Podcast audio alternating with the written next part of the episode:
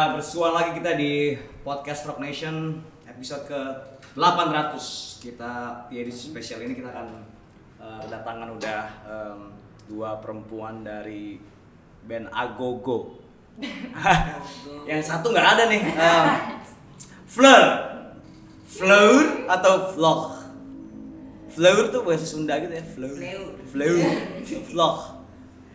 Sebenarnya paling bisa ngomong Tika ya karena Iya. bahasa Prancis. Tapi orangnya nggak ada nih. Eh ada. bilang? Bilang, Tada. Tiga. Hai Tiga. Ayo coba. Senyumnya manis sekali. yang- Waduh. Oh iya, kita doain ya. Ini. Ada Yui, dia main bass, ada Tanya. Dia main gitar dan vokal. Dulu vokal sebenarnya kan? Iya, Semuanya tiga. Oke, eh, mereka baru aja rilis eh, single judulnya Juwita Malam. Yes. Nanti Kita akan ngobrolin itu ya. Tapi hari ini kita bakal main dadu. Seperti biasa eh, di kebiasaan Rock Nation, kita akan mengadu nasib berdasarkan hmm, nomor di dadu. Sekarang Kita nomor di dada ya. Duluan coba bu, silakan supaya masih. Ini monopoli. Gue ke sini nih. Gue tegang ya. Gue lempar. Dua. Girl in the band. Oke, um, girl in the band. Berarti kan ya udah pastilah. Ini tuh gua ambil dari hmm, bukunya Kim Gordon ya. Eh, biografinya itu judulnya Girl in the Band. Dan terasa cocok buat kalian gitu ya. Um, apa rasanya jadi perempuan-perempuan di eh, band dan kayaknya kadang-kadang main band itu didominasi laki-laki ya kan dan gimana kalian pertama kali kayak duh gue pengen main band deh main pegang alat instrumen. Biasanya kalau perempuan tuh kan main apa piano. Ya gue gak mau main serius sorry sorry banget sorry banget. Cuman kadang-kadang Iya. pemilihan perempuan tuh kan nyanyi atau main biola atau main piano. Nah ini main gitar dan ini main bass. Bass lagi tapi bass perempuan juga sih sebetulnya banyak yang main bass perempuan ya. Iya. oke gimana? Siapa yang mau duluan? Yang muter dadu. Jadi pertanyaannya rasanya apa pertama kalinya? ya gimana maksudnya kenapa pengen akhirnya langsung pengen main band gitu kan Kalau kepengen main band sih eh, apa ya? Dulu karena mungkin gua tumbuh di era MTV pada zaman banyak female front vokalis kayak Cardigans, Cranberries, Alanis, siapa lagi ya? Ya pokoknya eh, garbage gitu-gitu. Mm-mm. Jadi gue ngeliat kayak cewek di dalam sebuah band yang belakangnya cowok-cowok tuh keren aja. Oke. Karena saya tumbuh di era itu tuh nonton Oke, MTV-nya tuh. oke. Gila, keren banget nih. Gitu. Terus ada siapa ya? eh, gitaris Ash tuh dulu si cewek gitu. Keren banget nih cewek sendiri. Itu yang pertama kali membuat ada rasa mendominasi laki-laki nggak sih? Waduh. Tiba-tiba kayak hmm gue laki gue perempuan nih. Enggak sih. yang memuja gue laki-laki. Ah gue putar bukan sekarang di negeri patriarki seperti ini.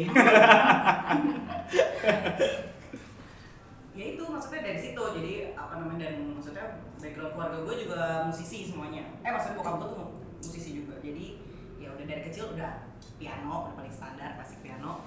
Ya habis itu pas tahu kakak gue ngeband juga gue ngeliat dia kayak manggung seru ya. Ya udah jadi akhirnya gue gak main piano. Oke. Gue main gitar biar lebih gagah. Kalau di panggung kan main piano gerakannya limited satu begini kalau gitar kan lebih banyak. Carlton gitu ya? Kan bisa kalah. Ya, jadi kalau itu gue gara-gara era-era manggung oke terus berasa tomboy nggak sih kalau main band tuh kalau gue kecil tomboy gue Hah? tomboy lo tanya tomboy nggak Tomboy. tomboy ya tuh kan kebanyakan kebanyakan emang kayak ada ada sisi eh, maskulinnya Maskulin. gitu ya ya kan ya ya itu dari situ sih oke kalau tanya Aku nggak kebetulan nggak punya banyak skill gitu loh. Jadinya eh, emang bisanya kayak gitu. Sebenarnya dari kecil emang sukanya. Bapakku kan juga eh, pemain gitar. Jadi dari kecil yang aku lihat tuh bapak-bapak lagi tuning gitar. enak ya Iya, maksudnya dari bayi tuh lihat tuning gitar. Jadi kayak tuningan gitar tuh udah di telinga gitu, ting gitu. Terus eh, dulu dari dulu kan kita pengen niruin kan. Jadi yang pertama kali mau aku tiruin adalah bapak main gitar. hmm, hmm. Kayaknya eh, seru aja gitu. Udah, terus emang nggak punya skill lain sih. komunikasi nggak ada. Masak masak. Nggak ada. Yang yang misalnya yang sangat sangat general perempuan deh kan masak. Atau misalnya cuci baju. Itu kan tai banget kan? Kan skill-skill yang kita sering tai-tai banget gitu kan maksudnya. Ini kan? Iya cuman untuk yang kayaknya oh ini nih. Itu tuh kayaknya pemain musik sih. Ada rasa apa sih ketika lo eh, megang instrumen dan eh, akhirnya tampil di depan eh, orang-orang gitu ya sebagai perempuan gitu ya. Ada ada ya tadi mungkin pertanyaan gue tadi mendominasi terlalu ah, terlalu ofensif kali ya. Ya kan? Tapi ya hati-hati. Tapi ya nggak apa juga sih. Tapi eh, apa yang kalian rasakan sebenarnya ketika megang instrumen dan pasti band sebelum kalian main laki-laki? Ya kan? Habis itu habis itu laki-laki lagi. Lihat di TV laki-laki. Ah laki-laki semua ya maksudnya. Gitu apa ya ini rasanya ya atau nggak ada? Pikiran gitu ya udah main aja gitu iya nggak ada sih. Nggak ada Hmm. kayak merasa jadi karena ah, lu laki-laki laki-laki gue cewek nih gitu. Nggak ada sih sebenarnya kok Hmm. tapi emang ketika naik ke panggung gue merasa kayak ya keren aja Hmm. gitu deh masa ini emang di gue nih kayak gitu. Emang gue emang di sini nih jiwa gue kayak gitu sih. Tapi nggak ada yang kayak harus ya karena yang lainnya laki-laki gitu nggak ada. Oke. Kalau nah pemain gitar kan kebanyakan laki-laki ya Iya kan? Kebanyakan ya? Iya iya. Kalau misalnya eh, lo waktu pertama kali eh, belajar main gitar cari ya selain bokap lo gitu ya. Masa lo apa eh, dengerin tapi Jimi Hendrix atau apa eh, kalau main gitar? Eh, yang yang akhirnya bisa mencerminkan jiwa lo sebagai perempuan gitu ya? Pertama banget eh, zaman sekolah SD ya itu suka sekali sama eh, Graham Coxon pertama kali. Blur ya? naksir sama gitar elektrik. Hmm. tapi waktu itu mainnya masih pakai akustik. Jadi bela-belain bolos sekolah dengan alasan sakit ke orang tua. Terus di rumah tuh ngerekam di MTV waktu itu. Apa Pakai tahun VHS. berapa ya? Terus- ketahuan nih kita. PHS tuh berarti awal 90-an akhir 80 dong. Tongkrongin kan tongkrongin begitu lagunya mulai langsung direkam. Habis itu diulang-ulang. Nah itu diulang-ulang ngulik ngulik pakai akustik tapi pakai gitar akustik ngulik ngulik ngulik terus eh, udah tuh tadi pertanyaannya apa Bagaimana lo sebagai perempuan melihat para kebanyakan eh, gitar-gitar idola tuh laki-laki gitu kan dan apakah Iya sih. si- maksudnya untuk yang mencerminkan jiwa lo sebagai seorang perempuan bermain gitar tuh siapa gitu? itu Eh, awalnya Graham Hmm. Eh, menurutku Tapi Graham gak terlalu maskulin sih menurut gua. Iya Ya, kan? Dia rada Ada- rada ada- rada rada nerdy-nerdy gitu kan yang iya lentik-lentik gitu kan mainnya juga. Iya. Walaupun dia anak pang sih dan sebenarnya. kayak anak kecil gitu Iya. aku eh, mungkin kalau ke gender gitu kurang bisa gimana ya memilah gitu cuman aku suka yang sifatnya tuh kayak playful gitu Hmm. jadinya mungkin kena banget tuh di dia waktu itu gitu Gue selalu jadi mikir siapa ya? Kalau pemain bass banyak, hampir eh, pemain bass keren tuh menurut gue perempuan. Darcy, Darcy. ya kan? Siapa lagi ya? Hmm, Melissa of the Moor. Ya, sama tuh bandnya. Apalagi ya pemain bass perempuan ya? Ya banyak lah. Bah- Bahkan Billy Corgan selalu memilih pemain bass perempuan gitu kan. Basisnya Primal Scream juga juga perempuan. Gitu kan kalau misalnya hmm, gitaris gitu yang yang rada susah ya siapa gitaris perempuan yang keren ya? dulu Sweat ada gitaris perempuan Siapa? Sweat Sweat. Ada si perempuan ya? pertama Bukan si banget. butler butler itu ya? Sebelum eh kan Butler bareng sama si itu dulu Justin Elastica Ah, nah Justin kan dulu main gitar kan hmm, Jason freshman ya. Mm-mm. terus udah yang aku lihat sosoknya keren sih itu ya terus dia ke Elastica masih keren sih menurut aku terus apa lagi ya kalau yang lain yang bagus mungkin shredding ya cuman aku nggak di situ jadi Hmm. nggak terlalu ngikutin gitu sosok cewek yang Susah ya. Banyak kan vokalis ya. Iya. Ya, ya, ya lu lah berarti sekarang. enggak Bahkan di Indonesia aja maksudnya kita kita ngeliat eh, main gitar perempuan anjir sedikit ya. Ya misalnya ini balik lagi ke ke girl band gitu ya. Maksudnya pema- eh, perempuan yang bermain bermain band. Mungkin dulu kita ya ada Dara Puspita, mungkin ada Trackset, ada Boys Are Toys. Keren banget nama bandnya Boys Are Toys tuh kayak asik banget. Gue kayak anjing keren gini nama band maksudnya gue gak gue gak berasa diinjak-injak tapi kayak ini baru namanya sebuah sikap. Gue iya kan gitu kan. Terus ada apa lagi ya? Em, geger. Ada misalnya apa lagi sih band-band band perempuan? Ah? oh dulu ada band keren namanya eh, ini. Pangtat. Pangkat ya gitu iya ada Pangtat tuh band band perempuan mainin punk rock gitu ya. Dan nggak sempet rekaman sih itu keren. Maksudnya emang populasi band perempuan tuh di Indonesia sedikit? Kenapa ya? Ada apa dengan ya. perempuan-perempuan Indonesia ya? Yang suka musik gitu ya? Yang all girl band gitu ya? Menurut Karena kalian gitu mungkin ya? eh, menyatukan tiga eh, banyak kepala perempuan di dalam satu band itu agak agak sulit sih Emang aku. iya ya? karena kita juga pun Iya. apalagi kita ya kita Hmm. kan si Fleur ini kan ditemukan dipilih bukan karena nongkrong bareng jadi basic genre-nya masing-masing kita tuh beda gitu. jadi Hmm. itu untuk menyatukan kita mau bikin musik seperti apa ini itu udah ada pertengkaran batin juga nih bukan gue ngaku banget nih sebenarnya Hmm. ada gitunya gitu cuman kita waktu itu berang, akhirnya berangkat dari karena kita bawain tribute si Dara Puspita ini gitu. susah Oke, kalau misalnya banyak orang bilang, oke perempuan lebih emosional dibandingkan laki-laki gitu ya, terus menulis lagu, emang bener gak sih? Maksudnya eh, dan dan ya, ya maksudnya tadi kan lo bilang kan kayak agak sulit ya menyatukan perempuan eh, dalam satu band gitu ya, itu kan kadang-kadang kita "Ah, perempuan tuh lebih emosional tau daripada daripada laki-laki, kadang-kadang suka ada suka ada stereotip kayak gitu ya dan Yes, yes. emang iya ya. Nah sekarang daripada gue minta dengan pertanyaan kalian gitu kan, emang iya ya? lebih emosional Enggak ya? emosional ya ada waktunya mungkin ya kita kan punya jadwal bulanan ya nggak maksudnya dalam dalam konteksnya akhirnya lebih mem- mem- membuat sebuah band dan menulis lagu gitu kan. menulis lagu di kalau di Fleur sih eh, kebanyakan ketika nulis lagu emang jatuhnya pengalaman personal ya. Hmm. pengalaman personal yang kelihatan aja kalau di Fleur cuma kalau lu gimana? Dia kan punya proyek lain. Pasti pasti lebih emosional sih Hmm. karena cewek kan lebih dalam ya kalau bikin sesuatu ya lebih Lebih dalam, gue rasa iya. Lu Gue rasa iya. oh iya Iya. Iya. Gue rasa iya. Kayaknya iya. Kayaknya iya. Iya nggak ya? Terus, yang cowok juga ada yang emosional juga Ada, Ya, ada, pasti. iya, iya. Tapi kan konteksnya sekarang perempuan, bukan laki-laki. baik baik iya Wah, masih menunggu ya? Iya. Emosional eh, beda output kali ya. Hmm. Sebenarnya cowok sama cewek. Mungkin kalau cowok bisa lebih sisi maskulinnya tuh mungkin dengan distorsi yang seperti apa juga kan orang-orang beda-beda tuh. Mau yang kayak gini ada yang pakai apa pun lah fase atau apa dia merasa emosinya ketangkep ya mungkin kalau misalkan di cewek outputnya emosional juga tapi mungkin bentuknya nggak seperti itu. Mungkin dengan syair Hmm. nyinyir. Nyinyir atau beda sih emang kayaknya sih cewek sama cowok beda output sih Hmm. kayaknya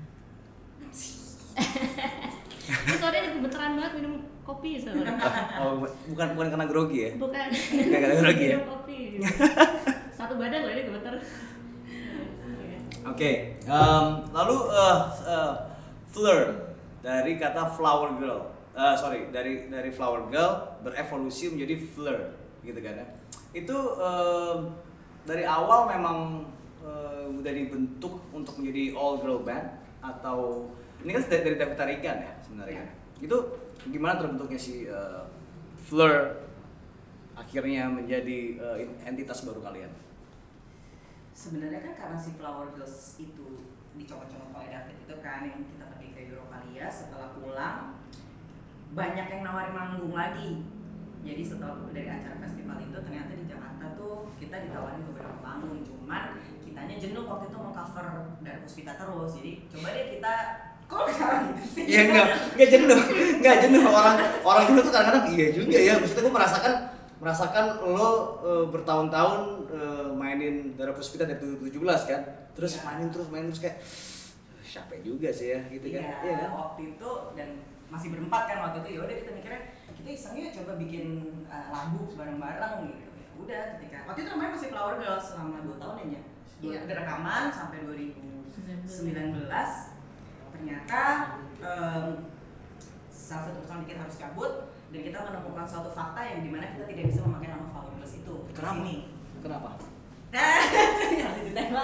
Kenapa yo? Eh, Kenapa? karena berhubungan dengan copyright. Emang udah ada band namanya Flower Girl? Bukan, ya ada.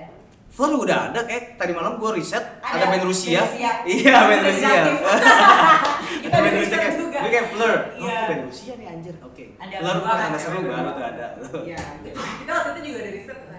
Tapi di Indonesia si Flower nama band Flower Girls itu sudah didaftarkan. Jadi which is kita nggak mau. Siapa ya Flower Girl? Ya coba cek cek aja. Nanti akan paham. Oke. Terus? ya udah akhirnya ketika kita memutuskan kita harus ganti nama nih munculnya nama si Fleur ini biar orang nggak kalau mau cari nama yang lain tuh kan kayak Fleur sama Flower Girls kan sebenarnya artinya masih sama, Sama. masih ngenyek juga Bahasa pra- iya. masih ngenyek jadi kita lebih ke ngenyek sih sebenarnya anak-anak setuju semua ya udah secara copyright di Indonesia aman udah Oke. Jadi kita Oke. ternyata kita lupa ngecek Spotify banyak banyak kita nggak ngecek Spotify pasti nggak kepikiran Kalian ini gak sih eh, rindu gak sih eh, maksudnya bukan rindu ya apa tuh pengen gak sih punya Indonesia punya banyak eh, band perempuan? Kalau gue sih sebagai laki-laki ya eh, anjing kayak kita populasi kita kurang nih eh, untuk band perempuan gitu ya. Yang all girl Iya, band gitu ya. kan band. Harus lebih banyak lagi gak sih? Iya. iya Mungkin lo bisa mengirimkan pesan kepada eh, publik-publik di depan sana ya depan kamera ini nih Iya. ya, depan kamera supaya ya anjing bikinlah band gitu. Iya. Tapi sebenarnya posisi Banyak. itu yang baru-baru juga makin banyak. Mungkin solois atau yang duo gitu kan makin banyak sebenarnya. Cuman kalau mungkin yang ya seperti itu tadi maksudnya misalnya dalam satu tongkrongan nih yang cewek semua yang bisa main musik tuh berapa sih? Ya itu. Iya kan? Iya. Maksudnya eh, di satu tongkrongan cewek semua satu geng lu yang bisa main musik di geng gue. Iya. Gue geng geng apa? Gangster. Gangster. Gadis gangster. Gadis gangster lu banyak banget. Maksudnya di antara pertemanan gue aja yang bisa main musik cuma gue doang, dari lima orang gitu, Hmm. cuma gue doang. Eh, apa namanya? Atau mungkin kalau misalnya kita di tempat les gitu, eh, atau kuliah musik gitu, belum tentu bisa nyambung kan kalau Iya, band itu itu. dia, sih itu menurut itu gue. dia. Maksudnya itu dia makanya kenapa eh, langka gitu ya Dan maksudnya. cewek kan lebih emosional, ah gue kayaknya gak cocok deh ngeband sama ini gitu. Kalau cowok kan, ayo hajar dulu, hajar dulu Iya, gitu kan, iya, mungkin, Kalau iya, kalau iya. cewek kan lebih kayak, hmm, kayaknya gue gak cocok deh sama ini gitu. Lebih lebih lebih banyak pikirannya. Hmm. Gitu. Itu menurut pengalaman saya ya. Iya iya, tapi ya emang emang mungkin mungkin memang kayak gitu kan ya. Maksudnya tongkrongan oke kita waktu SMA atau kuliah itu kan ada tongkrongan cewek ada tongkrongan cowok gitu kan. Yang cewek yang main musik siapa ya? Iya, ada. sedikit, sedikit gitu kan. Tapi kalau cowok udah pasti Ya, main kayak, gitu. kayak tadi lo bilang mungkin seandainya bisa main musik oke di piano klasik atau Hmm, kan dia hmm. main cello atau main Hmm. biola gitu. Berarti kalian termasuk minoritas dong ketika eh, maksudnya sebagai yang dulu suka main band dari SMA gitu kan ya. Ya, Gue dan, dan, dan nongkrong di Iya, geng minoritas. apa nongkrongnya paling cowok-cowok. Biasanya gitu tuh, biasanya gitu tuh. Ya kan? Cowok gua akhirnya nongkrong. Iya, oke. Sebenarnya tuh kalau band cewek sih sebenarnya mungkin banyak ya yang mereka akhirnya Ngeband gitu. ngeband, Oh, ngeband. ngeband ya. Cuman kalau menurut aku yang paling mendukung itu bisa jalan terus atau enggak tuh environmentnya dan Hmm. kebetulan kalau si Fleur ini dia kan kayak VOB itu kan juga jalan karena dia Hmm.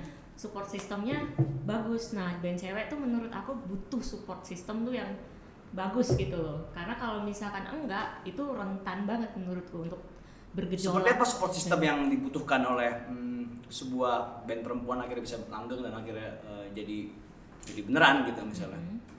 Menurut lo?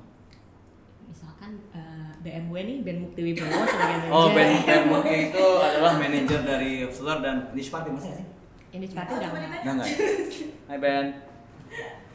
Terus terus terus. ya misalkan itu atau mungkin pokoknya harus ada yang melem melem apa ya saya yang me- Melekatkan. me- Merekatkan. melekatkan gitu yang bisa Mengikat, merantai. Waduh. Mm-mm. Menengahi karena kalau karena kalau nggak ada sosok seperti itu mungkin memang lebih susah kalau Hmm. cewek tuh ya udah apalagi semuanya player semuanya dengan keinginannya masing-masing itu kemungkinan lebih susah daripada cowok-cowok yang berkumpul secara organik gitu kalau cewek-cewek kayaknya ada ini dikit cabut ada ini dikit cabut gitu sifatnya Gue jadi mikir kayak sekarang kan main band tuh udah ya ini nggak cowok nggak cewek. ya. Main band tuh udah udah kayak udah bukan pilihan lagi, udah nggak cool. Orang cool jadi DJ sekarang gitu kan. Makin susah lah ya eh, adanya band perempuan yang yang bisa eh, keluar ke permukaan gitu ya dengan dengan tren bermain musik yang sebenarnya agak tenggelam nih di di era digital sekarang, ya kan? Atau atau gimana menurut kalian? orang kan lebih gampang ya bikin musik sekarang iya. adanya jadi nggak ngeband iya. solo loh. solo iya, iya bisa bikin sendiri ngapain gue? Gue sendiri aja lebih nyantai gimana ngapain gue berurusan dengan orang lain mungkin lebih kayak gitu ya kalau hmm. sekarang ya. Cuman menurut gue sih pasti ada sih pasti cuman ada. kita nggak tahu aja. Atau enggak mereka nggak se muncul itu gitu ya, nggak se nggak ini ya nggak tahu deh apa karena lagi pandemi juga? ya lagi tahu. pandemi nggak ada gig kan biasanya Iya, kan iya. tiba-tiba, aduh, ada- pasti ada nih dulu kayak dulu ada cover ya dulu ya Hah? ada band cewek gitu kan tiba-tiba lagi di gig di jalan bumi itu apa Havox eh ada band cewek-cewek gitu selalu ada sih kayaknya tapi Oke. sekarang karena udah gak ada gig juga jadi nggak tahu deh atau kebanyakan band perempuan itu mereka mengusung eh, satu eh, spirit yang feminis seperti kita tahu Bikini Kill. L7 gitu kan mereka selalu punya em, apa ya semangat bahwa ingin meruntuhkan dominasi laki-laki untuk akhirnya mereka eh, punya support system yang bareng-bareng Ya. oke kita punya satu spirit yang sama nih ayo kita kita kick back gitu kan ya nggak sih gitu nggak sih Iya, itu pasti ada. Gak apa-apa sih menurut gue kalau misalnya emang Farah mendukung dan emang dia berarti punya visi kan. Punya visi, oke gue pengen jadi band perempuan di antara semua dominasi laki-laki ini. atau Pussy Riot gitu kan Pussy Riot ya. Nah, Gak apa-apa sih menurut gue kan dan harus kali ya harus ada mana menurut gue yang seperti itu. Oke, jadi kalau lo ngerasa laki-laki ini pal mas semakin ngehe ya, lo bikin band aja, terus lo ludahin aja tuh laki-laki. Silakan putar dadunya. Diputer. Oh. Ini mah milih namanya. Ini, ini milih namanya nih. Ini milih namanya nih. Ya. Diskualifikasi. Diskualifikasi. tapi kan ada Diskualifikasi nggak bisa. Nanti gue bohong oke nih. Iya. Diskualifikasi. Mbak. Mbak kayak kedinginan ya? Nanti habis ketika ya. Halo, diam aja dari tadi. Dua lagi. Lagi. Tiga. Iya. Rock Agogo. Rock Agogo ya. Bagaimana um, Fleur menemukan sound vintage Agogo 60s dalam musiknya? Eh, Mbak ini dulu dong dadu. Gimana Mbak? atas bantuan para para musisi. para musisi di proses kreatif dari mulai waktu kita mau main di mana namanya Europalia masih jadi Flower Girls sampai akhirnya kita rekaman itu eh, kalau dari segi gitarnya dari waktu mau ke Eropa itu aku itu dibantu sama Kubil karena Kubil waktu berangkat juga Kubil upstairs Kubil itu personil di upstairs uh, dan seperti yang rambutnya mop top gitu ya. Ya. Mhm. Terus itu kan pertama kalinya aku juga uh, main elektrik kan. Oh, sebelumnya? Jadinya akustik terus Oh, karena gitu. memang nggak punya sampai sekarang. Tiap kali manggung tuh bukan elektrik, Oh, bukan gitu. milikku gitu kan.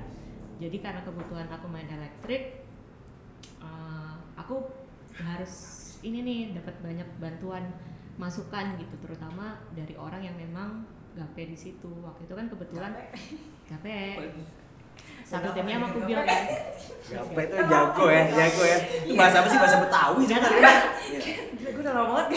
Makasih loh. Sama-sama Gapa itu ahli. Iya. Udah lama banget. gape. Kubil tuh gape banget terus ya udah karena uh, kita suka ada proses di studionya si Kubil juga waktu itu jadi aku latihan efek dan lain-lain Kubil tuh aku nanya terus tuh ini efeknya mesti pakai yang apa nih kamu butuhnya ini ini ini aja udah kelar gitu Oh. oh efeknya ini ini ini ada kursus kilat ya? Ada kurkil. Kursus Kurkil. buat si Rupalia bersama si itu. Kubil. Heeh. Terus ya udah eh, dari situ ke bawah kan di telinga oh gini karena aku kan tadi nggak mendengarkan 60s blast Oke. jadinya Sixties nggak dengerin ya? nggak dengerin kalaupun dengar itu kedengeran. Maksudnya nggak sengaja denger gitu. Maksudnya nggak lo. eh, Nggak juga? juga Oke. gitu. Terus akhirnya udah terbiasa di kuping oh gini. Jadi pas rekaman itu ada kebayangnya seperti apa. Tapi kemudian di eh, di apa namanya istilahnya ya? Upgrade ya? Apa sih istilahnya? Upgrade, Maksudnya di upgrade lagi jangan sampai sejadul itu. Hmm. jadi buat si pas rekamannya kita pakai sound yang lain lagi tidak seperti yang waktu Flower Girls banget gitu dan itu dibantu juga sama teman-teman gitu waktu itu explosive recovery itu kalau dari gitarnya Oke, tapi kalau eh, kalau bass kan kayaknya Ago kan lebih lebih nari bahasa kalau kalau ini kan.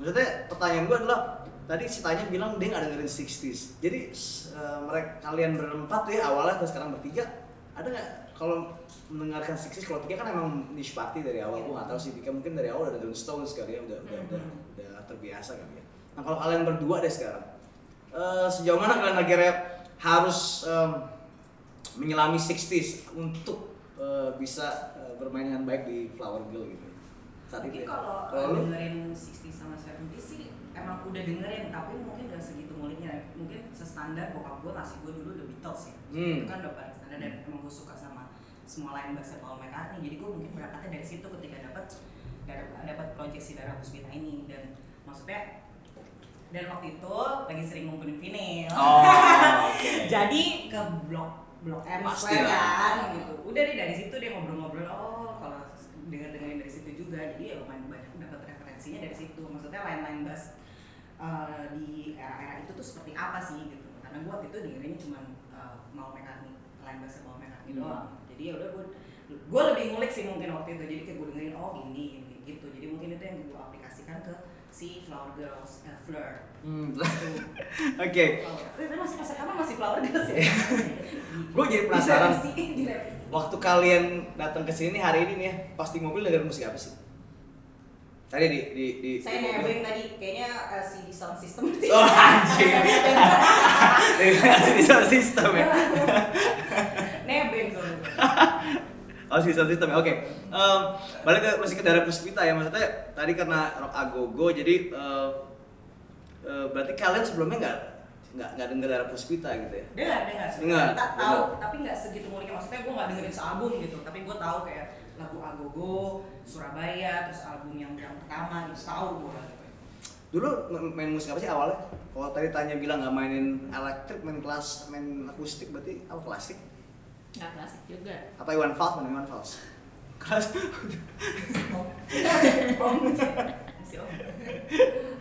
main ya kalau main justru lebih banyak main lagu-lagu Brazil Wah, Bossa Latino Eh, iya. Sergio Mendes gitu. gitu. iya pokoknya gitu. Iya, gue gak suka soalnya, gue gak suka soalnya. Kayak, aduh, gue udah mencoba untuk mendengarkan, untuk menyukai Sergio Mendes kayak, tapi ini nggak sejauh sih. Bukan ya, iya, iya, iya. sorry sorry. Terus, Iya kalau main malah justru lebih banyak itu. Kan dulu kan aku sempat sekolah musik kan. Terus eh, majornya vokal. Minornya wajib piano cuman ada eh, banyak eh, apa namanya lagu-lagu itu yang aku dapet tuh dari kampus waktu itu dan itu seputar itu paling jauh tuh paling popnya ya mungkin ya lagu-lagu bossa nova gitu-gitu jadinya mainnya tuh banyak di situ sebenarnya mungkin lagu Bossa Nova itu juga arahnya ke 60s 70s juga deket sih kan? Iya kan? Iya kan? Dekat. Dekat sebenarnya secara secara apa ya, secara era juga gitu kan. Iya. Soundnya juga mungkin sama kali ya. Iya. Ya kalau ini mungkin lebih garage ya. Mm-mm. ya kan? Jadi setelah kalian dari 2017 sampai sekarang, mungkin orang nggak tahu ya agogo tuh apa sih sebenarnya? Maksudnya definisi dari agogo atau pemaknaan agogo tuh apa sih sebenarnya? Apa yang kalian hmm, dapatkan dari kata agogo? agogo kalau yang aku tahu awalnya itu agogo tuh alat musik ya ting tung bunyinya ting ting tung tung ting gitu tuh alat, alat musik yang namanya agogo gitu cuman terus ada istilah lagi eh, apa masuk kategori dance ya dance Dance, dansa dansi. Dansa Iya kan, Ini kan kalau kalau dengerin itu kan. Iya, dansa dansi iya dan di album di album Flare juga ada lagu judulnya Agogo Oh, oke. Oke. Oke. Karena gue nggak tahu emang udah Iya, belum belum rilis kan. Oke, kan gue nggak tahu. nah ini bocor Oh, iya. Terus terus terus terus. Dari situ deh kita kita lebih ke yang situ tuh agogonya tuh dansa dansi dansa dansi Dansa dansi ya. Mm-mm. Oke. Lalu di lagunya Dara Puspita itu yang kita bawain juga ada yang judulnya Agogo. Iya. dan pada era itu tuh banyak banget lagu judul Agogo kan Banyak, Banyak banyak, banyak, agogo. Jadi kayak kayak agogo itu semacam kata yang dikeluarin di mana-mana ya. menarik Pertama kali gue denger kata agogo dari mana? Whiskey agogo. bisa Ya kan itu kan sebuah sebuah klub gitu gue pikir tuh eh, sebuah klub metal. Ya karena di, di situ main ada band-band glam rock dan band-band heavy metal tahun 80-an ternyata enggak. Itu sebenarnya ternyata pas di dalamin lagi ya udah dari 60s ya. Iya, iya. Banyak banget. Kalau nge-search. Abu tuh udah kayak ah, band Indonesia juga banyak kan yang bikin lagu judul. Iya, iya pastilah. Karena kalau gua ngeliat dari itu Indonesian Beat Agogo. Itu kan sebenarnya ya apa namanya? Kompilasi-kompilasi zaman dulu ya. 60s ya. Oke, eh silakan. Bapak ya? Enggak. Saya. Enam. Apa apa apa? Kalau enam jalan dua kali nggak? Waduh, ini emang dasar lo sangat perempuan sekali lipstick. Kalau itu maksudnya kalau satu ada aja. Gue gak tahu ya, gue gak tahu kenapa kenapa gue waktu gue memikirkan kategori-kategori ini gue kepikir apa lagi terus gue ngeliat video-video kalian kayak hmm, dikira merona merah kalian ya, iya kan? Maksud gue nggak gini, eh, lipstick buat nggak perempuan gue pikir adalah sebuah lambang kepercayaan diri ya, Oke. iya gak sih? Iya bener gak sih? Benar benar benar. Ya, terus? sama kepercayaan diri. Nah, Terus elaborasikan. sebenarnya kita bukan tip- bukan pemakai lipstick juga ya sebenarnya. Pakai lipstick pick up. Apa ya lipstick itu? Gitar. Gua tuh lipstick itu ingetnya malah klub itu klub sepatu Iya udah yang udah nggak ada sekarang itu kan ya lipstick kalau emang sempet ngerasain lipstick Enggak. enggak kan dari bapak nyokap Dari bapak gua. Iya. Dulu papa kalau ngedate sama mama ya di lipstick. Iya, Gitu dong. Sama di Miranda. Ya lipstick? Eh, kadang-kadang kalau misalnya pakai merah lagi percaya diri hitam lagi Iya. ya pokoknya ada kadang-kadang ya gue kan eh, misalnya sama teman-teman cewek gue kan kenapa sih pakai warna hitam ya gue lagi lagi Galau. feeling dark feeling gitu kan Wah, tiba-tiba kemarin nih hitam sekarang merah ya dong ya cakep gitu Jadi kan kayak gitu, gitu kan kayak gue langsung ngeliat kayak oke ya? iya misalnya lipstick itu berarti semacam semacam apa ya eh, apa lambang Ekspresi. iya ekspresi gitu kan iya kan? Mungkin kita perluas jadi nggak hanya lipstick ya. Hmm. bisa ke apa ya dandan make up bergaya fashion dan lain-lain kali. Ya. Hmm. kalau gua sih eh, gua basicnya orangnya nggak pede. Oke. Oke deep down saya bukan orang yang sangat pede. Jadi ketika gua mau pakai baju itu baju yang gua pakai uh, atau gua mau pakai lipstick atau mau pakai eyeliner atau apa pun yang ada di badan gua itu harus menggenjot kepedean gua itu. Keluar dari kamar iya itu harus menjadi menjadi elemen yang membuat gua tuh jadi pede ketika gua keluar kamar gitu jadi menurut gua dan di perempuan-perempuan sekarang menurut gua eh, itu udah udah hal yang wajar ya pas pengen terlihat bagus pengen terlihat eh, make up dan fashion itu kan membuat dia lebih pede. Iya, Pasti. iya, iya. Ya, nggak filter ya. Kalau filter kan ya pede. Kalau di foto memang ya filter. Gue ngeliat kalau perempuan foto pakai filter jadi, tambah jelek menurut gue aduh Keputihan kadang-kadang ya. Iya.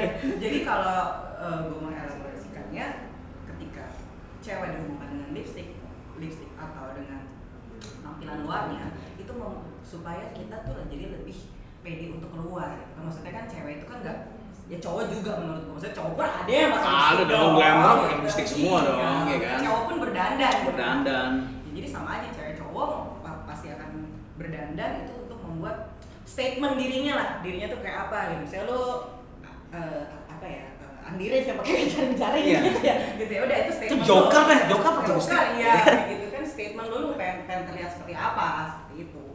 Jadi kalau zaman sekarang sih menurut gue pakai merah pakai apa udah biasa aja. Biasa aja ya. Uh, gimana lo membawa diri lo keluar aja pengen dilihat seperti apa gitu. Tanya mungkin mau nambahin Aku tapi ini nggak bibirnya nggak merah nggak apa Eh, Yui juga kayaknya ada Ya, kan kita, tipis sedikit makanya kita bilang kita bukan pemakai lipstick sebenarnya. iya makanya tidak begitu relate sama yang ini. kita tomboy tadi yang kita bilang. Oh iya, oke. Baru kenal alat dandan itu waktu mungkin apa ya? Baru-baru ini mungkin ya. Hmm, ketika Baru ada yang pucat nih pucat baru ada Baru, oh. demi memuaskan mata yang komentar itu anjing Iya, biar nggak pucat saya pakai ini biar nggak pucat udah tapi sebenarnya ada lipstick dan enggak kalau aku enggak Iya. Iya iya iya. Kayak sekarang juga udah nggak bisa tuh ya lipstick jadikan wah lipstick tuh perempuan banget tuh kayak udah harusnya udah udah segera di Iya. eh, dihapuskan kayak gitu gitu ya bahwa ya kalau gue mau pakai lipstick tiba-tiba di episode berikutnya gue mau pakai lipstick gitu. Wah pasti matters, iya. demi memuaskan si publik ini. Memuaskan konten-konten komentar. Oke, tadi lo ngomong statement, em, ada sebuah statement. Jadi kalau misalnya gue gue selalu suka band atau seniman atau apa orang gitu individu yang eh, berkarya dengan sebuah statement. Gue nggak tahu deh kalau misalnya Fleur tuh apa statement yang ingin kalian keluarkan dari eh, musik-musik kalian? Apakah ada satu hmm, apa ya? Hmm, ya itu pernyataan atau ini di, eh, identitas atau segala macam itu dari Fleur sendiri? Sebenarnya kalau di Flow itu untuk statementnya sendiri mungkin kita masih di album yang ini, yang sekarang ini kita bikin itu kita masih dalam Ini debut kan? Debut kan? Hmm. dalam tahap perkenalan nih karena Hmm. kita kan dari tribute menuju ke band beneran nih kita Hmm. ada kenalan personal kenalan cara bermain musiknya kenalan lagi lebih dalam gitu ngejam-ngejam bikin lagu. Jadi kalau di album ini mungkin bisa gue bilang ini masih tahap perkenalannya kita. Jadi yang ketik yang keluar itu adalah mungkin masih pemikiran-pemikiran yang kita obrolin bareng-bareng gitu. Misalnya kayak gue lagi sama dia gue lagi sebel nih sama ini gitu.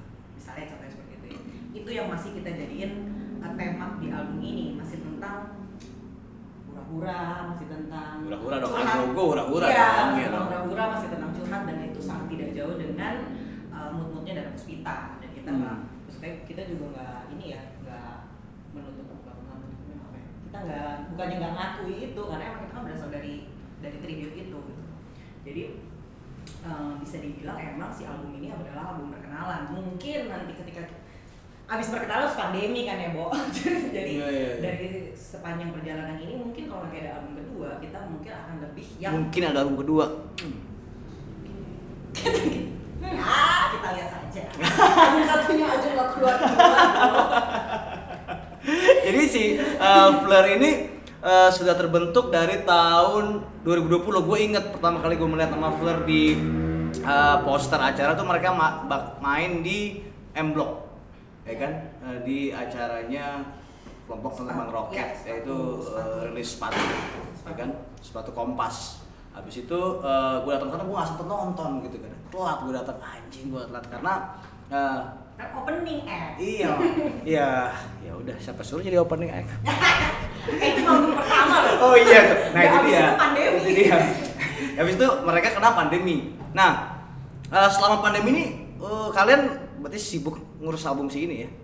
sebenarnya rekamannya tuh udah kelar dari sebelum kita manggung itu Hah? rekamannya udah kelar- Oke. itu kan Februari kemarin ya kita manggung itu Januari itu udah kelar rencananya mau dikeluarin di tahun berapa sih itu pandemi apa ya lupa 2020, Tapi tahun berapa sih? 2020. 2020 ya rencananya mau dikeluarin 2020 Oke. tapi karena waktu itu isunya masih kan maksudnya kita ngeband ini juga pengen orang tahu Hmm. tahu band ini tahu lagunya maksudnya isunya waktu itu masih masih covid kan Hmm, jadi hmm. eh, setelah ngobrol-ngobrol kayaknya yaudah deh printin satu-satu dulu aja single-singlenya Hmm. dan nggak bisa promo juga mau gimana Iya itu dia maksudnya pandemi ini buat buat musisi rada rada bikin macet ya gitu sih, Hmm. ya kan? Bikin Dan macet kalian baru baru baru memproklamirkan diri sebagai berevolusi menjadi bentuk baru. Jebret, datang badai gitu kan. bener iya itu terjadi kisah nyata kisah nyata Oke, terus berarti eh, butuh waktu 2 tahun eh, untuk memperkenalkan diri sekarang akan ada album eh, apa albumnya yang bakal rilis dan kapan album itu bakal rilis? Eh, rencananya sih setelah puasa Hmm. setelah lebaran ya biar ngumpulin THR dulu biar bisa beli fisik Oke, silakan. Dadu.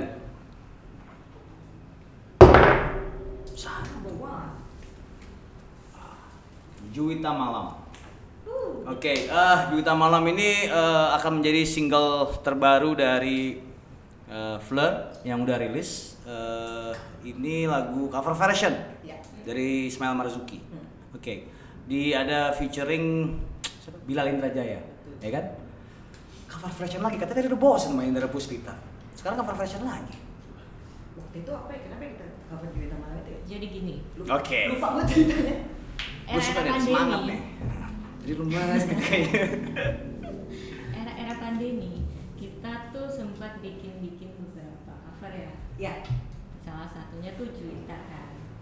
Ya, Kita mau kalau nggak salah waktu itu kita ada apa ya acara apa? Ada acara yang Yang- Oh acara kolaborasi sebelum sebelum pandemi ya? pandemi masih Flower Girls kita kolaborasi sama Nonaria Iya. tapi waktu itu mepet waktunya dan bingung mau bawain apa Hmm. Ya udah Kita pilih cerita kita malam. pilih cerita malam gitu terus kita aransemen terus selesai cover ya selesai cover kita masih eh, naksir nih sama aransemen itu waktu itu kita bawain Hmm. sehingga waktu kita ada manggung juga itu sempat kita bawain juga manggung di mana waktu itu di Banyak di kok. daerah. Ya, sama kita masih bawain terus kayaknya asik nih kalau masukin album Hmm. pada saat itu dan karena maksudnya orang yang nonton pun happy dengan eh, aransemen itu gitu. Oke. jadi maksudnya itu me- mengukuhkan kita untuk apa kita rekaman aja waktu itu kita kurang lagu tau oh yang jujur Iya, tapi kita kurang lagu tau Oke. Gak ribet ribet tau ini ya. lagu. lagu Jangan pintas. Iya, iya. Adalah cover version. Enggak, sebenarnya kita ada 10 gitu. Nah, kita punya 10 lagu waktu itu dan eh enggak, 9 lagu. Kita punya 9 lagu dan kita punya tabungan aransemen si Juwita malam ini Hmm. dan waktu itu yang ngerjain aransemen kebetulan gue sama dia berdua dan kita suka bawain aransemen itu ya udah akhirnya setelah ngobrol anak-anak setuju juga gitu ya udah berarti kita rekam aja tadinya maksudnya kita rekam ya udah rekam aja mau dimasukin album apa enggak itu Udah pakai Bilal? belum Oke, masih, terus? masih Hmm. masih versi cewek kan Hmm, cewek. Nah, terus? cuman begitu se sejalan kan dua tahun nih ya kan Bilal itu rekaman juga baru tahun lalu kalau nggak Iya, salah. ya. Bilal baru. iya baru baru banget rekamannya. Kayak gua kita mikirnya ini album ini perempuan semua butuh ada butuh ada sosok laki-laki kali ya biar nggak boring gitu. Waktu itu kepilihlah Bilal. Kenapa Bilal? Maksudnya gini, karena saya di rumah. Oh, gue pendengar Bilal, maksudnya ya, gue gue gue Bilal tuh termasuk salah satu penyanyi laki-laki yang keluar di saat banyak banget eh, crooner tuh keluar, di, misalnya kayak siapa sih keluar, Pamungkas, siapa lagi sih, makanya banyak penyanyi laki-laki keluar gitu ya. Jadi pada Bilal gitu. Ya. Ardhito, Ya. siapa? Juga ada Bilal. Oke, Bilal kayak gini ya nyanyinya ya. Terus pas gue dengerin lagu lo, dia agak berbeda gitu eh, suaranya agak berat dan segala macam ya berarti lo ketawa kok lo ketawa ini pasti gimana jadi jelaskan ketawa lo tuh apa maksudnya lu bilang agak berat kan iya sebenarnya kan suara bilang sebenarnya kan merdu merdu dan Iya. walaupun kumisnya tebal tapi sebenarnya- merdu tau gak? sebenarnya itu kan nada dasarnya tuh nada dasar kita ya Hmm. tiba-tiba karena kita udah rekaman udah jadi siapa yang dasarnya nyanyi lagu ini ya Bila kali ya ketika mau di take itu Bila tuh kerendahan sebenarnya jadi Oh, iya. Bila itu dipaksakan untuk ini tapi ternyata suara low-nya dia tuh dapet Ya. menurut kita pas rekaman kok suara low-nya dia jadi kayak bapak-bapak tahun 60-an gitu ya gitu bagus nih gitu jadi sebenarnya yang yang gue suka dari eh, versi kalian terhadap Juta Malam ini di depannya udah ada harmonisasi vokal ya, maksudnya kayak eh, biasanya kan selalu kalian bertiga juga- nyanyi kan ya maksudnya gue pikir kayak hmm, ya ini ala Beach Boys gitu sih sebenarnya gue Ya. pikir Gitu kan. Iya ya bener bener bener kok Beach Boys. Gi- maksudnya gimana kalian eh, eh, mengubah gue fokus pada harmonisasi vokal ya Ya. kan kalian bertiga main mungkin eh, musiknya terlalu tipis kali ya. Satu gitar satu eh, bass drum. Wah itu sangat minimalis lah gitu kan ya. Terus eh, yang gue suka dari kalian tuh selalu ada saut-sautannya si vokal ini kan ya. Nah itu gimana sih eh, kalian apa itu terjadi begitu aja dengan jamming? Tiba-tiba lu nyaut lagi ah ah gitu, gitu, gitu. Hah? ya itu Kayak bapak-bapak kejam. Oke terus bapak-bapak kejam. Ya, gimana kalian kalian kalian mengatur harmonisasi vokal atau atau ada uh, pelatih vokal Berta Pelatih vokal ini ada nih. Tanya kan basicnya emang dia emang vokal kan. Hmm. Tapi eh, kita kan bertiga, drum, eh, bass sama eh, gitar. Kita ngerasain banget ketika bertiga, ketika manggung itu ada banyak hak banyak apa elemen yang kosong ya ini ya. Banyak Hmm. yang kosong dan itu nggak bisa kita eh apa ya? nggak bisa ada bunyi-bunyian yang nggak bisa pakai alat musik gitu loh. Hmm. Nah, makanya kita taruhlah, "Ah, udah ini aja deh vokal aja. Gitu. Hmm. Jadi kebanyakan mungkin dari karena kita eh, cuman bertiga, kayaknya vok dengan vokal yang penuh itu akan membuat musik kita tuh jadi lebih mm-mm. penuh gitu. dan kita bertiga kebetulan bisa nyanyi semua dan dia adalah ratunya pecah suara gitu. dia Oh, bisa iya. mengaransemen dia bisa mengaransemennya bisa mengaransemen pecah-pecah suara itu jadi ya udah kenapa enggak kenapa kita nggak memakai itu sebagai senjatanya Sifler ini Hmm. gitu Oke, oke. Em, cover version. Hmm, gua selalu menganggap cover version itu jalan pintas. Oke, Iya, tapi kita seorang lagunya kurang Iya. ada ada ada ada ada ada ada dua ada satu perdebatan klasik mengenai cover version menurut gua.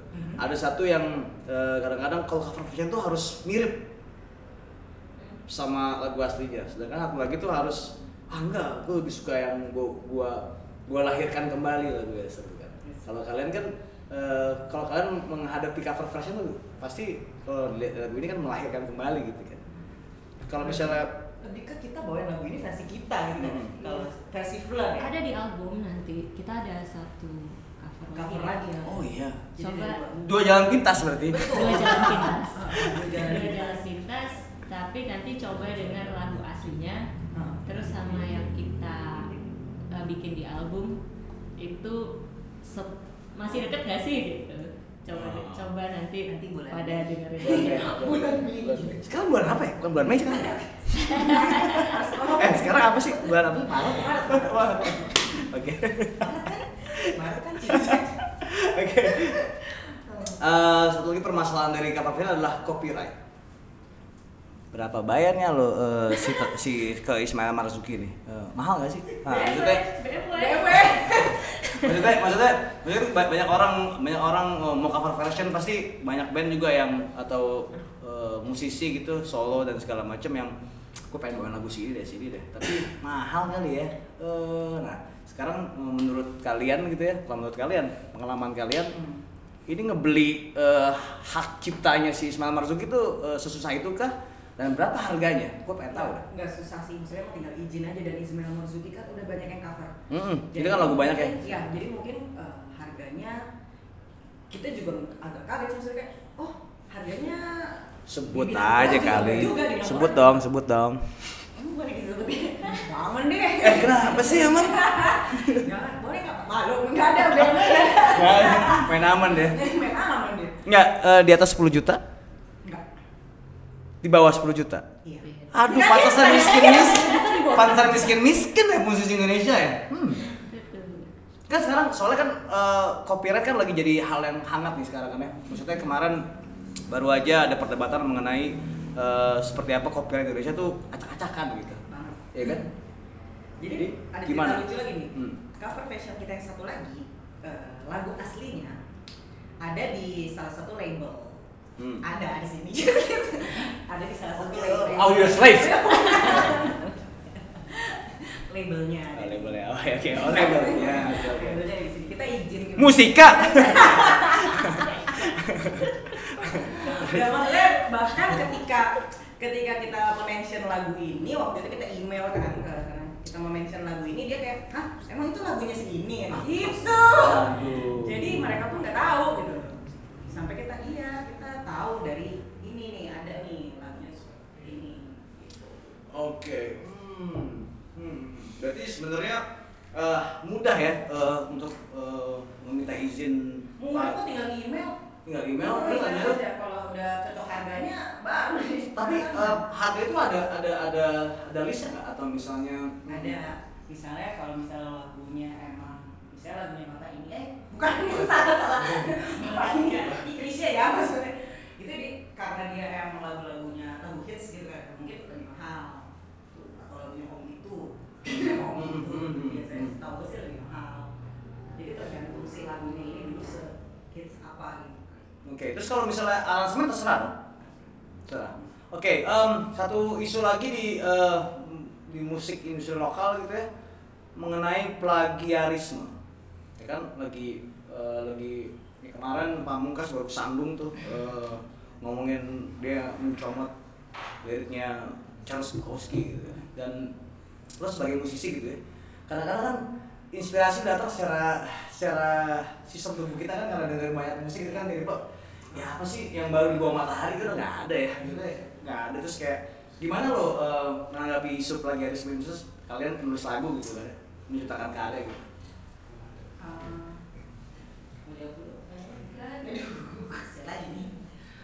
Eh, kalau plagiarisme itu tergantung intensinya menurut gue. Hmm. Jadi gue dengerin banyak lagu, gue ngeliat banyak lukisan, gue ngeliat banyak aransemen, ngeliat banyak orang manggung.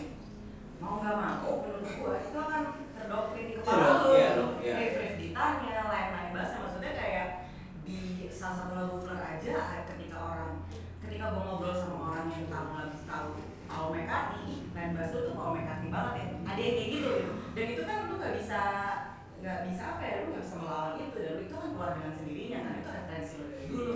Nah cuma bedanya mungkin intensinya, lu benar-benar intensi mengcopy itu atau enggak sih? Dari mana gua tahu intensi lo? Ya makanya ketika, ketika misalnya kalau Moral lah, ini cerita Ya, moral ya. Ketika pamungkas itu jelas-jelas sama kan? Iya, iya, Itu iya. jelas sama, jadi benar-benar ya. Dua kali loh dia kesandung kayak gitu. Iya, makanya ada dua kali. Jadi Berarti intensinya adalah meniru. Meniru dong. Eh, gua nggak tahu ya. Gimana nih, Bambang Pamungkas? Jadi kalau menurut gue sih ya intensi orangnya aja gitu. Cuman kan kita kita nggak tahu sih Pamungkas itu kenapa begitu gitu. Hmm. Kenapa dia apa? Itu apa sih parafrase ya namanya? Parafrase, parafrase, parafrase. Maksudnya intensinya dia beneran seperti itu apa Oke. Eh, kalau em, Fleur sendiri ada nggak? Kita buka-bukaan aja deh. Ada nggak eh, lagu yang kira-kira Yuh ini enak nih kalau dipotong ininya, gua ambil lagi dari rapnya Rolling Stones Lalu rapnya lagi ini, gua gabungin aja deh Jadi hal yang baru, misalnya gitu Lu melakukan hal itu gak sih? Puzzling Dalam ciptaan lagu Kalau secara sadar tuh nggak ada nih. Tapi Hmm. terjadi tuh kemarin di lagu yang single sebelum ini nih, Oke, eh, sebelumnya gue mau kasih tau dulu bahwa mereka udah ngeluarin 4 single ya Yes. Yang pertama adalah Muka Dua, lalu ada lagu lama, lalu ada Merona dan ini yang terbaru nih. Eh, Oke, lanjutkan. Yang terbaru tadi Juta. Sebelumnya ada suara di seluruh. Oh, sebelumnya ada dia eh, ini duet sama Disco. Arabas. Disco Raya. Disco Lion. Ayo tanya lanjutkan. Uh, ada uh, jadi kan intro mirip, dengan Please Me. Please Please Me Hmm. yang mana Itu terjadi di kolom komen kan? Oh, gila ya. dan uh, itu tidak bisa dipungkiri bahwa memang pas aku dengar itu memang mirip sekali tapi kalau boleh jujur aku nggak tahu lagu Please Please Me Masa lo gak tau lagu Please Please Me? Masa? Lo gak dengerin Beatles? Nggak. Bagus. Eh, Jadi dia nggak tahu maksudnya itu kan dia bikin. Iya. Ya intensinya nggak ada untuk mengcopy itu. Tapi ketika di kolom komentar kayak intronya kayak ini kayak ini gitu. Jadi dan itu terus aku ngecek dong dari kalau karena banyak banget gitu ini lagu ini lagu ini oke jadinya kan orang akan mikirnya ini tadi puzzling itu kali ya gitu. Hmm. pas aku dengar caca terus nanti kan udah udah kayak ya udah gitu mau gimana ya. lagi pula kan terus pas masuk lagunya juga beda gitu Tapi kalau kita ngomongin sejarah plagiarisme, kalau dari negara kita berapa banyak dia eh, ngambil em, tat na ta na na na na na na na. Ini kan itu kan ada ceritanya. Iya. Itu sebenarnya. coba ceritain deh. Hah?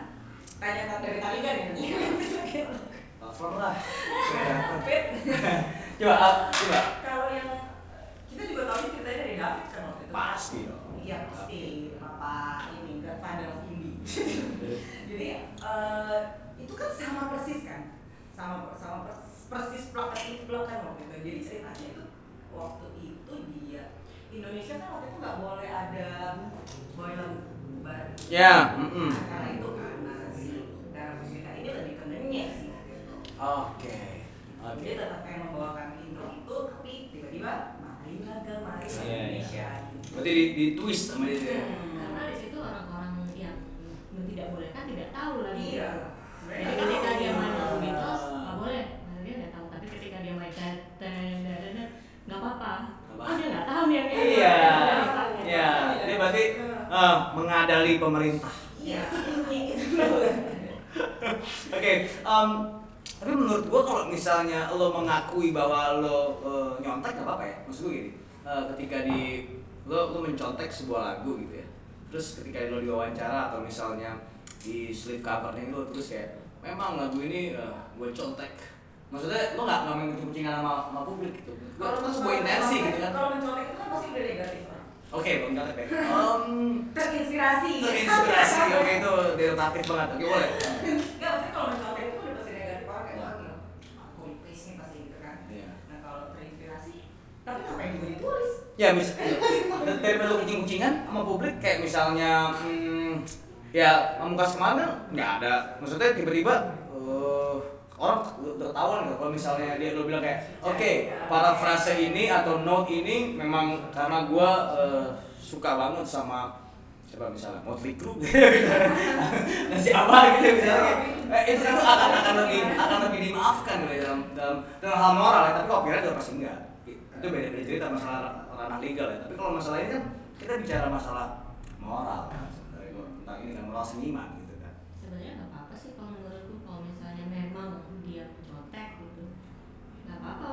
di diomongin sebelum orang ngegetin Viral. Sebelum viral. yang mendingan ngaku duluan daripada ketahuan. Iya iya iya iya iya sih oke lu kali buat pengakuan yang lo cetak dari mana sekarang nih. Jadi kalau misalnya bilang wah ini nyontek nih. Gak gue udah ngaku di Rotation kemarin. Bisa lagi gitu. Itu bis-bis tadi. ya Karena semua orang sekarang bikin semua diatur jadi kayak saya ini mirip ini mirip ini sama kita nih udah berapa puluh miliar orang iya makanya. gitu. makanya itu misalnya mengenai eh, plagiarisme ini eh, tricky sebenarnya. Lu kita udah di tahun berapa rock and roll nih? Kan rock and roll tahun 55 ya kalau industri musik gitu ya.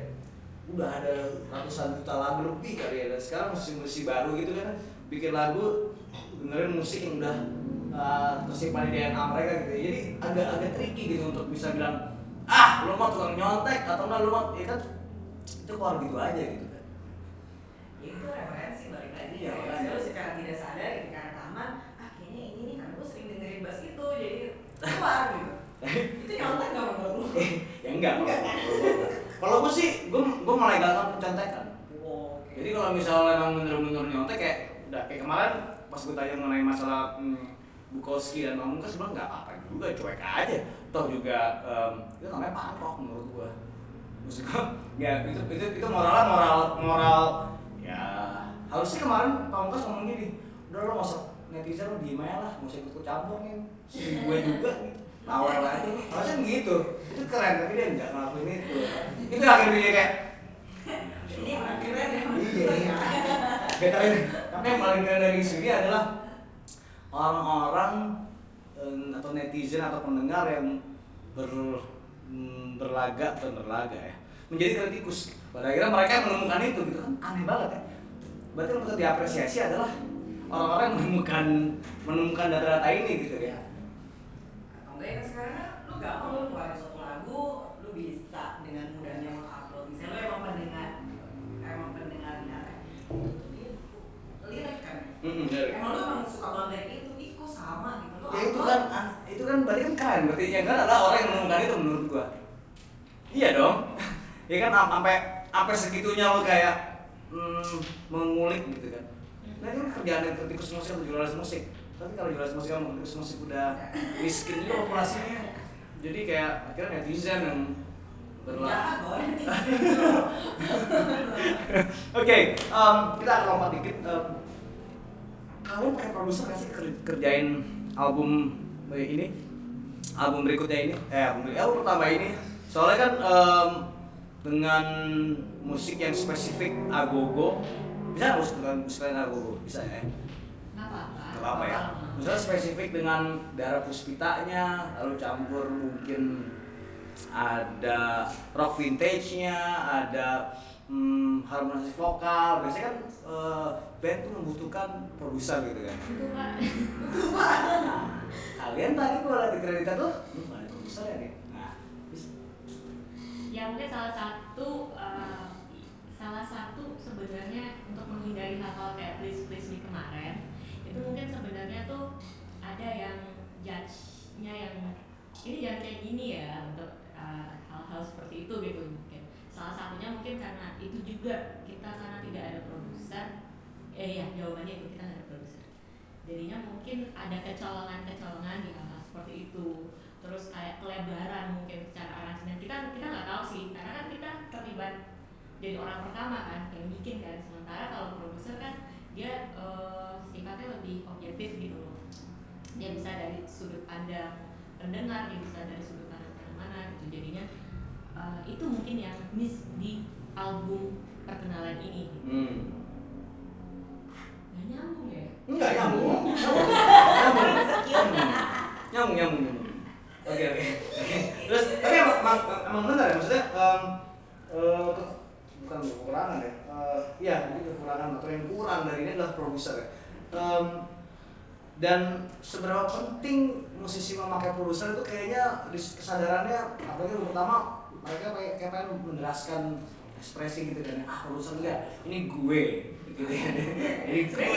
Itu musik gue bertiga. Lo nggak pernah gitu. Ya nggak sih? ada ada rasa itu kan? Itu ada produsernya. Ah. Tapi apa ya? Eh, karena satu dan lain hal akhirnya nggak jadi. Nggak nggak jadi ada produser gitu. Jadi ya udah kita Kita akhirnya kita mencoba untuk memproduksi sendiri. oke. Terus terus ada tuh keinginan untuk ini gue gitu nggak ada. Nggak, oh, nggak ada ya? Kan ditinggal sama produsernya. gue kirain eh, ya, kalian musisi-musisi yang sangat egosentris gitu kayak gue lu berani mana loh tapi memang memang nggak ada keinginan untuk cari produser lain sih Iya. ketika waktu itu kita nggak jadi ada produsernya itu memang dari kitanya eh, tidak ada kepikiran untuk ke ini kali ya ke itu kali ya Iya. itu nggak ada kepikiran kita juga "Ya udah deh eh, sibuk di dalam aja nih gitu Bikin aja deh, bikin aja rekam aja gitu. Kalian kalau nulis lagu jamming nih kebanyakan ya enggak ya atau nge- eh akustikan nih di rumah ya Oke, gitu. Eh lagu? atau atau atau gimana sih kalau kalau kalau misalnya kalian Kalau waktu itu ada sembilan lagu ya sembilan lagu Iya, sembilan lagu. Waktu itu kita di masing-masing tuh kayak bawa lagu, bawa itu punya lagu ini, itu punya lagu ini, punya lagu ini, cocok kayak ini, cocok kayak baru kita jamming. Gitu. Jammingnya jadi aransemennya. oke jadi misalnya Yuji datang gitu kayak ini lagu gue nih lagu lo mana sih di Lagu lama. lagu lama? Oh oke. Lagu lama. Gue sempet nulis lagu itu loh. Gue re- gue resensi. Oh, iya. Bisa. nulis lagi. Nulisin lagu nulis resensi lagu itu. Yang nulis lagu itu? Iya. Iya, salah bahasa gue oke oke. Oke. Apa lagi? Selain lagu lama? Agogo Anggogo. Album. berarti kalau lo bikin ceria ya lagunya ya Ya, ya, tanya tuh tuh, nah, gimana lo melihat uh, Yui ketika dia menyumbangkan lagu? Eh, gue bawa, gue bawa lagu nih, gitu kan? Gimana lo, lo, ya kan? Ini lagu gue nih, gitu. Lo, lo gimana sebagai nasi uh, dia uh, menulis lagu? Nomor satu sih kita gayung bersambut pasti ya kalau misalnya ada yang bawa materi gitu kita gayung bersambut kita dengerin terus ah, kayaknya untuk langsung otaknya tuh langsung ke situ gitu ketika dengar mikirnya tuh langsung aransemennya diginiin enak kali ya diginiin enak kali ya gitu jadinya Rika juga misalnya ada lagu nih gini gini gini Rika juga kan waktu kan masih ada Rika kan Memang lagu lagunya Rika sih lagunya Rika itu uh, dia tiap Reggae personil yang, uh, personil mereka yang pertama ya, Nah. yang keluar. Rika tuh kalau ngasih lagu bahan mentah gitu maksudnya yang Chordnya juga nggak jelas. Bingung ya. keren keren keren. Pakai HP gitu. Terus eh, deng deng deng deng gitu kan. Terus la la la la, gitu. Wah gila mentah banget nih gitu kan. Hmm. terus tapi kelas banget nih. Maksudnya nih bisa diapa-apain banget nih gitu kan. Jadi tuh pikirannya tuh pasti langsung uh, instingnya "Ih, aransemennya kayak apa ya? Tiap dapat materi itu dari anak-anak tuh pasti gitu. Seru sekali sih tiap kali ada yang bawa materi paling gak nyumbang apa-apa Emang iya, ini play mau apa deh? Enggak dia merona. Oh, Corona. Ada sebenarnya satu lagi kan itu sempat tapi nggak masuk album. Berarti paling banyak nulis lagu uh, Yui, Rika. Rika. Rika udah nggak ada sekarang. Maksudnya udah keluar. Iya. Udah keluar dan Nggak ada. Udah the band, the band. Terus uh, lagunya tetap uh, dimasukin ke ke ini. Iya. Bayar dong copyright ke dia dong. Udah, udah, udah izin. Ya. Udah. Ntar biasanya kalau band-band gede kan ya, ntar gue langsung diklaim. Ini lagu gua, mana? Nggak kayak gitu dong. Oke, em, jadi kalau misalnya hmm, album ini judulnya apa sih? Mau kasih tau nggak? albumnya Tara lah ya. Nggak ya. seru dong Oke, oke. Kalau gitu putar dan dulu. Eh, nggak usah tinggal dulu. Nanti ya kiri apa kanan. Oke. Nah, lu juga sekarang Oke. mau juga ya. Ini main black Ini.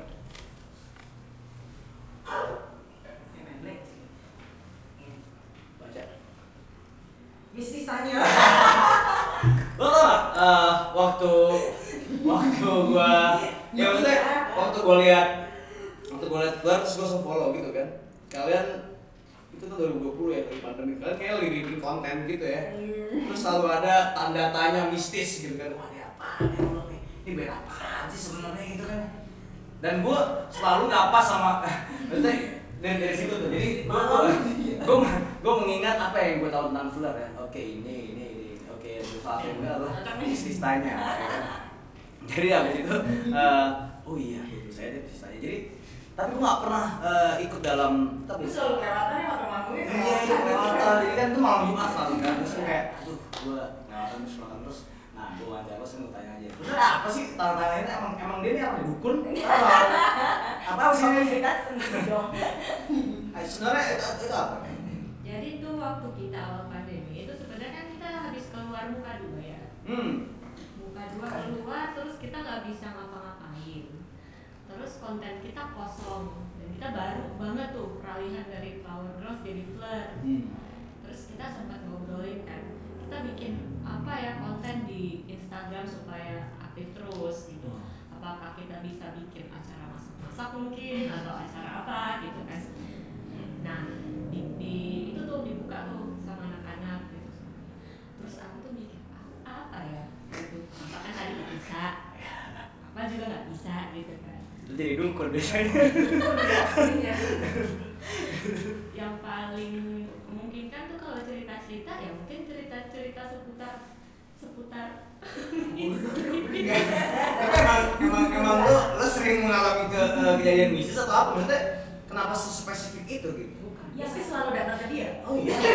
Lu punya magnet terhadap hanya itu yang bisa di share gitu lah selama beberapa bisa untuk, untuk kisah-kisah yang lain kayaknya memang nggak se nggak seseru kejadian-kejadian ini yang yang dialami kayaknya masih ada tuh bandnya tuh segini kalau diceritain gitu kayaknya masih bisa nih ngisi berapa konten gitu kan jadi ya udah kita bikin setiap malam Jumat deh gak nyambung gak nyambung deh sama akun band cuma paling nggak kayak sempat kok kita kayak akun horor Iya makanya. Gue bilang kayak ini band ceria gitu. gini tuh.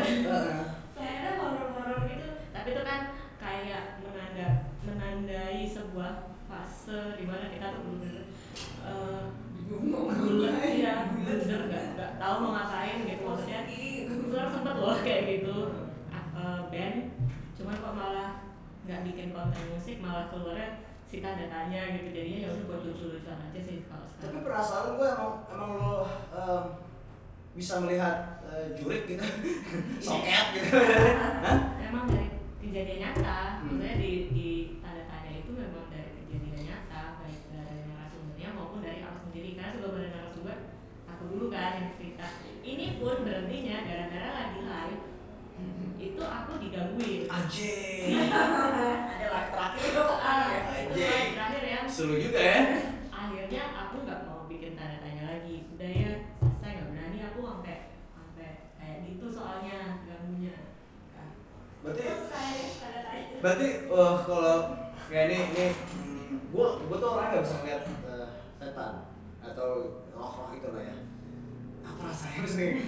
Gimana? Apa apa bener bentuk mereka tuh kayak film-film hmm, dukun beranak gimana gitu doang atau maksudnya gini kan banyak orang yang mengilustrasikan bentuknya seperti itu gitu ya. Oh, bener gitu ya? Atau ah tiap orang kayaknya kayaknya beda deh ada nggak sini? ada tadi pas buka WC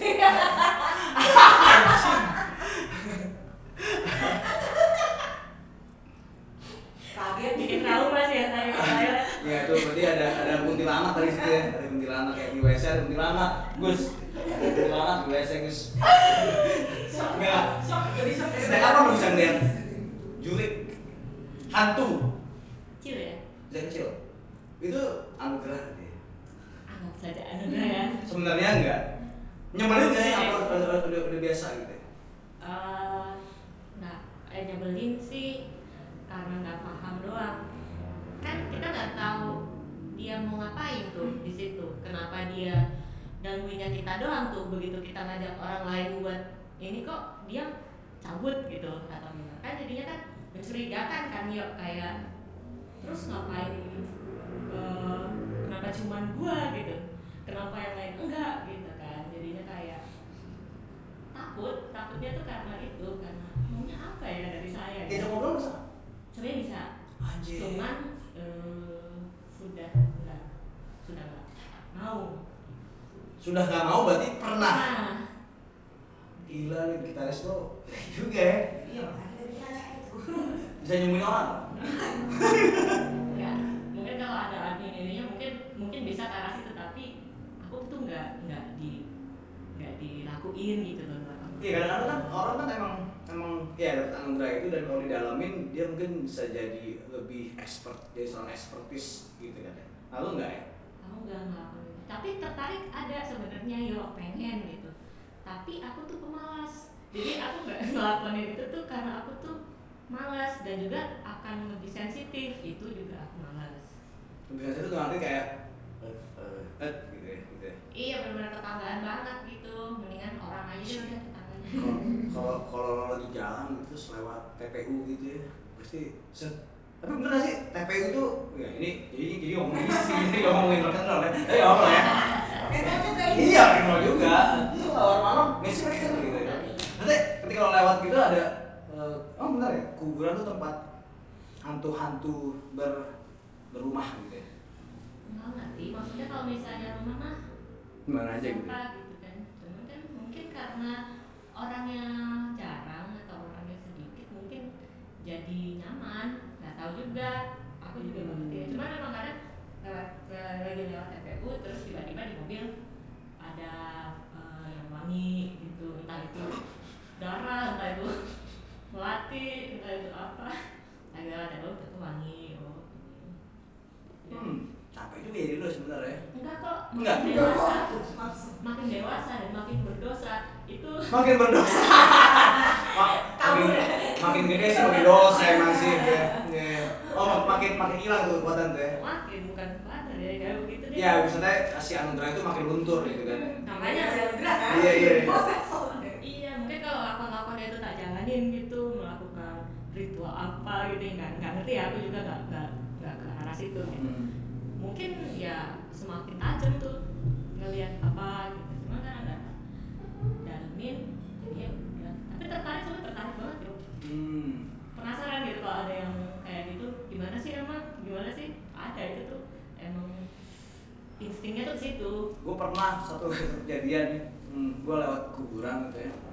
Ini, ini, ini nyata nih. Jadi gue agak ya kan kalau lewat kuburan itu kayak tuh tau Islam kan ya. Lu kayak menahan diri tuh kan nengok tapi nengok. Gitu. sampai akhirnya gue tergoda untuk nengok. Set pas gue nengok dalam waktu dua detik gue langsung ditemplokin berat anjing templokin lagi. Itu rasanya kayak lo mabok tapi lo nggak minum nggak nggak pakai apa apa gitu. tapi lo kayak kunang-kunang terus kayak anjing. Gue gue bertarung situ. Kayak dia mau masuk tapi gue tahu nih anjing gue mau masukin. Gue gue, bertarung sepanjang jalan itu bertarung sampai akhirnya gue teriak. Kan eh entot cabut ya lo cabut ya lo. Dia nggak cabut cabut. Terus akhirnya temen gue bilang sampai gue sampai sampai rumah gitu gue bilang sama temen gue kayak gue ditemplokin ya udah gitu. Terus gue teriak-teriak sendiri di kamar terus gue datang. Ya, jangan teriak gitu ya lo diem aja lo lawan di pikiran. Habis itu nanti dia kabur deh maksudnya lo lo lo, lo maki-maki dia dalam pikiran. Oh gitu ya? Oke. Akhirnya gue diem. Gue akhirnya maki-maki gue dalam pikiran. Cabut ya? Cabut nggak gue lagi. Habis itu dia cabut gue ngantuk itu eh, emang kayak gitu ya caranya ya? caranya sih nggak tahu maksudnya gue tahu cara yang amatir ya goblok lu cara yang amatir gitu ya salahnya soalnya aku gampang banget kemasukan nih oh jadi aku selalu kalah tuh kalau misalnya udah kelingan kayak gitu Hmm. nyetrum nyetrum itu Iya, gampang iya. tuh buat Iya. buat terus habis itu hilang gitu atau gampang untuk terus ya seperti ya Hmm, Iya itu kayak beneran beneran kayak gitu tuh. Aduh. Oke. Udah ya. Udah. Ya. Udah. Ya, udah ya. Oke. Yang terakhir. David Tarigan. Um, David Tarigan orang yang berjasa eh, kepada Flood. Eh, dia yang menyatukan kalian. Gue sih ngeliatnya kayak ini kayak ini ya. Malcolm McLaren kali ya. Dia, dia menyatukan eh, empat personil Sex Pistol. Lalu em, karena dia juga lah kalian pergi ke Eropa. yes Gimana lo melihat David Tarigan eh, secara personal dan musikal dan pengaruhnya kepada uh, Fleur secara musikal dan Ah, gitu kan. ya kalau secara musikal mungkin dia emang sudah seluas itu ya eh, Harusnya dia jadi produser lo kali. iya dia harusnya Oh jadi yang masuk produser itu harusnya David Tarigan. yes Mahal dia. Dia ngomongnya. Dia mahal ya, mahal, mahal ya. David Tarigan ya. Fit lo mahal, mahal gitu Fit. Katanya lo itu movement lo Fit. Aduh Fit, Fit. Enggak menurut kita waktu itu dia adalah orang yang paling pas karena dia ngomongin dan dia paham banget dari musik. Iya. Bahkan lagu-lagu yang dipilih waktu itu kita bawa ke Eropa pun kita ya? konsultasinya sama dia. Apa itu? Agogo, Pantai Pattaya, Hai Mari-mari. Mari-mari, Alura Palura, Pesta Alura, Tamasya, Alibaba. Alibaba. Lagi? Ada ada 12 Surabaya. Pokoknya ada 12 lagu. Kakak tua, Bu, kakak tua. Kakak tua. Itu adalah kita juga konsultasi sama dia Oh, dia David dia, ya. dia, dia juga apa namanya andil di situ. Jadi menurut kita ketika kita mau bikin uh, apa album waktu itu dan bikin materi sendiri, kenapa nggak dia produsernya? Itu sih kalau dari situ. Kenapa enggak? Kenapa akhirnya enggak dia? Waktu ya waktu itu kalau nggak salah. ya. Oke. Jadi dia pas lagi ada kesibukan sesuatu yang kita ada jadwal rekaman harusnya. Lagunya materi lagunya udah jadi, terus ya secara waktu nggak cocok. Jadi Hmm. akhirnya yaudah deh, oh David nggak bisa. Iya karena itu kalau nggak salah ada beberapa pokoknya jadwal rekamannya nggak cocok. Hmm. Ya udah akhirnya kita karena udah di studio, ya udah kita udah kita rekaman sendiri Hmm, hmm. dengan yang di demo ya. Jadi materi demo sama materi rekaman tuh dibilang berubah banyak nggak? Nggak terlalu banyak. Mungkin dari sound berubah banyak. Oke, soalnya penting sih. Terus em, gimana David meng-approach kalian, menjangkau kalian untuk bisa jadi satu gitu? Dia mau punya eh, lo, lo per orang per orang Iya, atau iya. ya. apa rayuan dia akhirnya bisa masuk dalam? Iya dong, dia pasti mulai David itu kan. Udah lo masuk sih. Iya, apaan? Iya lah, David gua. Iya, lo mau ini gini kan. Eh, David kan gitu. Jadi gue punya project. Iya. Iya kan. Gue waktu itu gue pernah ngeband sama David sekali. Ah. Hmm. Nah gue kenal sama David itu di waktu itu gue pas main bass bantuin Kartika Yahya. David itu. Oh dia jadi bikin vokal ya? Bikin vokal, ya. Iya. Iya itu vokal Kartika Yahya. Gue juga gantiin Susan waktu itu karena Hmm. Susan main mang- manggung. Itu pertama kali gue kenal David di situ. Dan habis itu itu kayak tiga tahun atau empat tahun kemudian ketika dia dapat proyek ini itu dia hubungin gue lagi. Karena sebelumnya nggak pernah ketemu tuh selama tiga tahun setelah proyeknya Tika gitu. Jadi ya udah kita ketemu dia tuh ah tadi kan apa Fit? Dan gue tuh lagi hamil. Jadi gue punya proyek di Eropa gitu. Wah di Eropa ya Fit sorry Fit gue nggak bisa gue lagi hamil. Ah lu lagi hamil? Lagi Oke. ya udah gitu. kapan sih proyeknya Oktober Ah, udah. Udah, udah apa? Brojol sih gue Udah brojol sih, 3 bulan tuh Eh gue 4 bulan tuh gue brojol. Gimana sih mau ikut gak? Sikat deh. Gitu Tau deh pada lo Gimana gitu. Iya. Lagi pamit gitu Ke Eropa kan berenang nih Kayaknya jalan Gitu. Ya udah. Dari situ sih kalau gue. Habis itu dia nyari gitaris kan Nyari Jadi orang tahu hubungnya adalah lu? Enggak, pertama Tika Oh Tika. Oke. Pertama Tika, habis itu gue gak tahu ya urutannya, tapi habis itu dia menghubungi gue waktu itu ketika dia menghubungin gue gitarisnya masih bukan Tanya dan bukan Rika jadi mak- mungkin dari Tika ke gue, habis itu dia mau sempet nyari gitaris siapa ya, gue sempet kasih beberapa nama sempet kasih nama dia juga karena gue sebelumnya main reguler sama dia udah kenal duluan jadi ya udah gue kasih nama dia juga eh ternyata pas dibikin grup dia tanya kok tanya nih gitu kayak gitu Rika gitu. Terus emang bener eh, first gig kalian di Eropa? enggak Enggak. Jakarta Jakarta? kayak pemanasan kan ya band ya Oke, kan, iya, band iya. bentukan kayak kita butuh deh sebelum ke Eropa pemanasan dulu di Jakarta Hmm. Oke.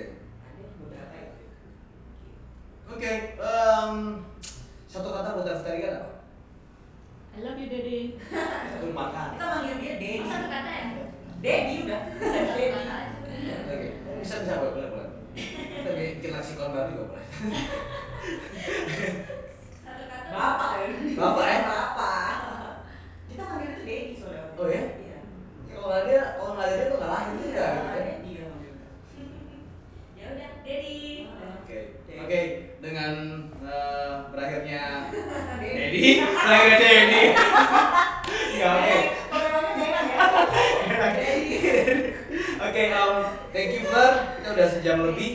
Ya, eh, selamat eh, singlenya udah rilis. Dari tadi nggak ditanya. Eh, Tika. Kasihan loh. Dia cuma senyum aja di Iya, sini.